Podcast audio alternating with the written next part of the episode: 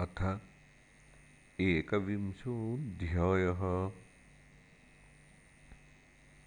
बलिबन्धनं हर्युक्तिः श्रीशुक उवाच सत्यं समीक्ष्याब्जभवो नखेन्दुभिः हतस्वधामद्युतिरावृतोऽभ्यगातु मरीचिमिश्रा ऋषयो बृहद्व्रताः।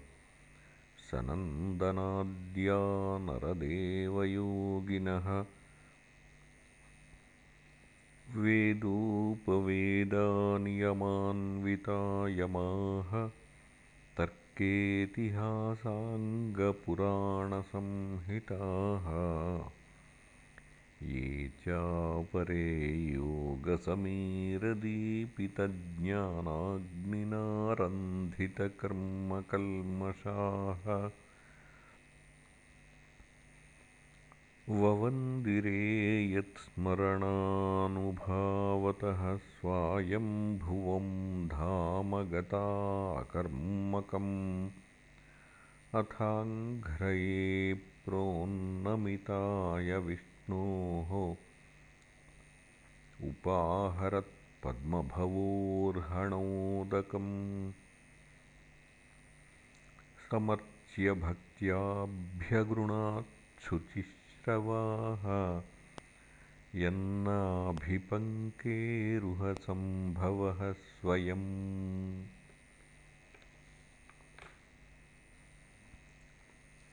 धातुः कमण्डलुजलं तदुरुक्रमस्य पादावने जनपवित्रतया नरेन्द्र।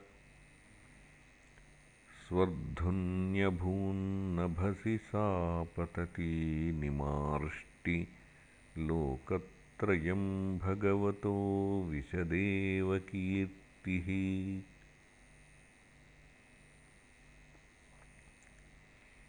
ब्रह्मादयो लोकनाथाः स्वनाथाय समादृताः। सानुगा बलिमाजह्रुः संक्षिप्तात्मविभूतये। तोयैः समर्हणैः स्रग्भिर्दिव्यगन्धानुलेपनैः धूपैर्दीपैः सुरभिभिर्लजाक्षतफलाङ्कुरैः स्तवनैर्जयशब्दैश्च तद्वीर्यमहिमाङ्कितैः। नृत्तवादित्रगीतैश्च शङ्खदुन्दुभिनिःस्वनैः जाम्बवान् वृक्षराजस्तु भेरीशब्दैर्मनोजवः विजयं दिक्षु सर्वासु महोत्सवमघोषयतु। महीं सर्वां हृतां दृष्ट्वा त्रिपदव्याजयात् ऊचुः स्वभर्तुरसुरा दीक्षितस्यात्यमर्षिताः। न वायं ब्रह्मबन्धुर्विष्णुर्मायाविनां द्विजरूपप्रति च्छन्नो देवकार्यं चिकीर्षति। अनेन याचमानेन शत्रुणा वटुरूपिणा सर्वस्वं नो हृतं भर्तुर्न्यस्तदण्डस्य बर्हिषि। सत्यव्रतस्य सततं दीक्षितस्य विशेषतः नानृतं भाषितुं शक्यं ब्रह्मण्यस्य दयावतः। तस्मादस्य वधो धर्मो भर्तुः भूषणं च नः। इत्यायुधानि जगृहुर्बलेरनुचरासुराः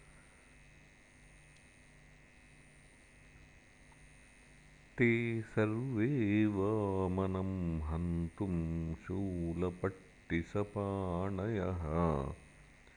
अनिच्छतो बले प्राद्रवन् जातमन्यवः। तानभिद्रवतो दृष्ट्वा दितिजानीकपान् नृप प्रहस्यानुचराः विष्णोः प्रत्यषेधन्नुदायुधाः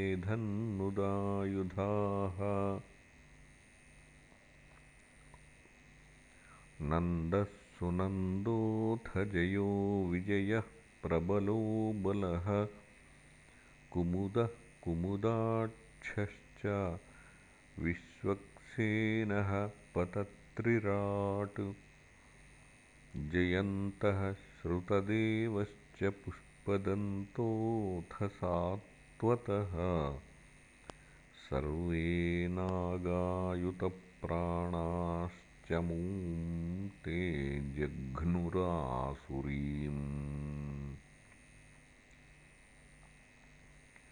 हन्यमानान् स्वकान् दृष्ट्वा पुरुषानुचरैर्बलिः वारयामास संरब्धान् काव्यशापमनुस्मरन्। हे विप्रचित्ते हे राहो हे नेमे श्रूयतां वचः।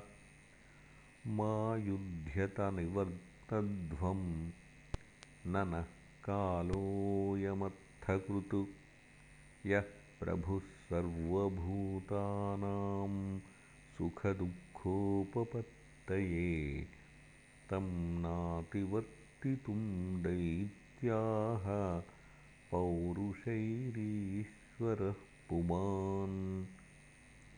यो नो भवाय प्रागासीदभावाय दिवौकसाम् स एव भगवानद्य वर्तते तद्विपर्ययम्।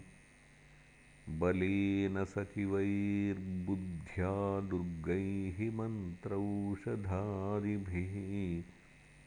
सामादिभिरुपायैश्च कालं नात्येति वै जनः। भवद्भिर्निर्जिताह्येते बहुशोऽनुचरा हरेः। दैवेनद्धैस्त एवाद्य युधि जित्वा नदन्ति नः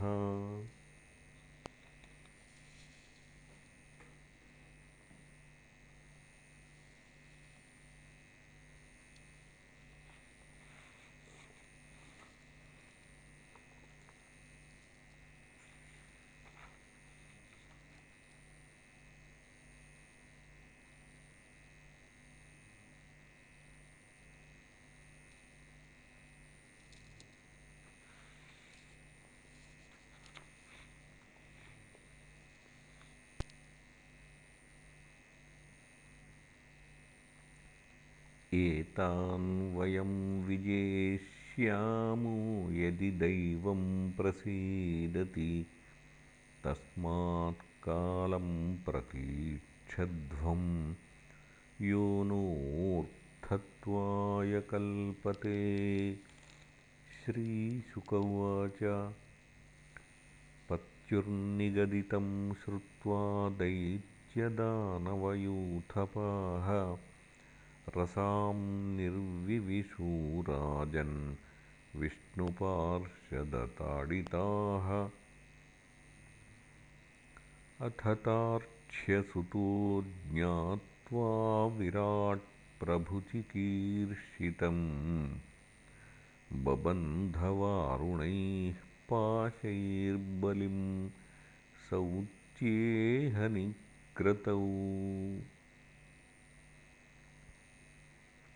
हाहाकारो महानासीद्रोदस्योः सर्वतो दिशं गृह्यमाणे सुरपतौ विष्णुना प्रभविष्णुना। तं बद्धं वारुणैः पाशैर्भगवानाहवामनः। नष्टश्रियं स्थिरं प्रज्ञमुदारयशसं नृप। पदानि त्रीणि दत्तानि भूमेर्मह्यं त्वयासुरा। द्वाभ्यां क्रान्ता मही सर्वा तृतीयमुपकल्पय। यावत्तपत्यसौ गोभिर्यावदिन्दुः सहोडुभिः यावद्वर्षति पर्जन्यस्तावती भूरियन्तवा